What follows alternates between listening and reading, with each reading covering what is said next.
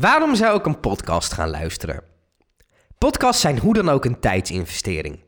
Op YouTube ben je na een filmpje van 5 minuten alweer klaar en kan je iets anders gaan doen. Of, wat er in de meeste gevallen gebeurt, nog een filmpje aanzetten. En nog één. Tot je ineens een uur verder bent en geen idee meer hebt wat je nou eigenlijk hebt bekeken.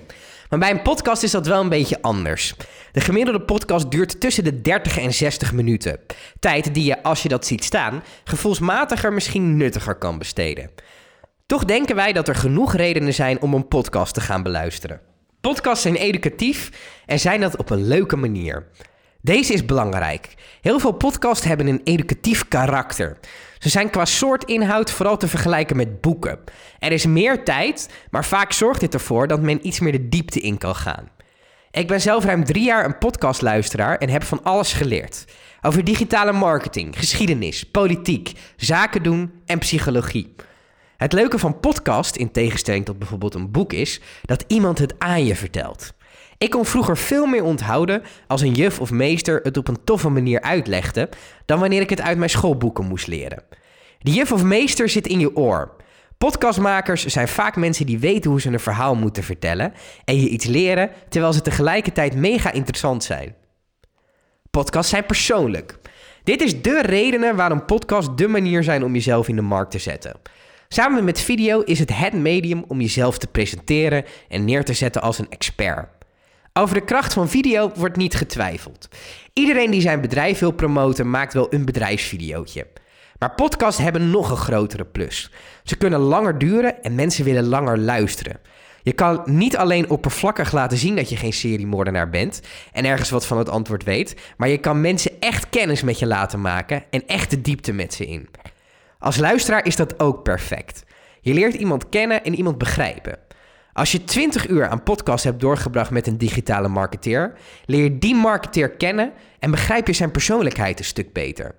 Daardoor begrijp je niet alleen de stof beter, maar ook zijn persoonlijkheid. Daardoor begrijp je sneller wat je moet doen als je vervolgens de digitale marketing van je eigen bedrijf gaat voeren. Podcasts zijn een prima vervanging van social media. We hebben allemaal te weinig tijd. En de grootste oorzaak daarvan is vooral social media. Ik heb mijn eigen schermtijdrapport van de afgelopen week even erbij gepakt. 18 uur, dat is ongeveer 2,5 uur per dag. Ik ben geen fan van gooi je social media weg en leef een leven zonder social media. Social media heeft zijn waarde. Denk aan buurtgroepen, foto's en video's van je familie of nieuwsvergadering. En hey, je mag er af en toe best wel eens even kijken hoe die ex van je er eigenlijk aan toe is. Maar 16 uur is te veel en minimaal 14 uur tijdverspilling. Podcasts passen makkelijk op die plek. Je doet iets op je telefoon.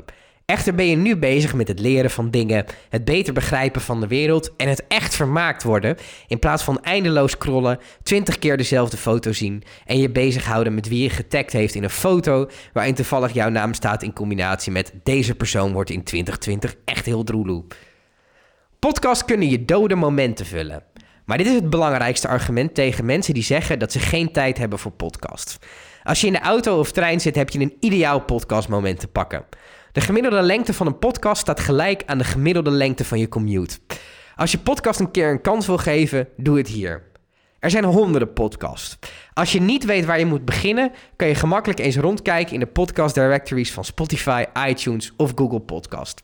Of luister eens naar een van onze podcasts. We maken toffe content over onder andere bier, SEO, passie en de Formule 1.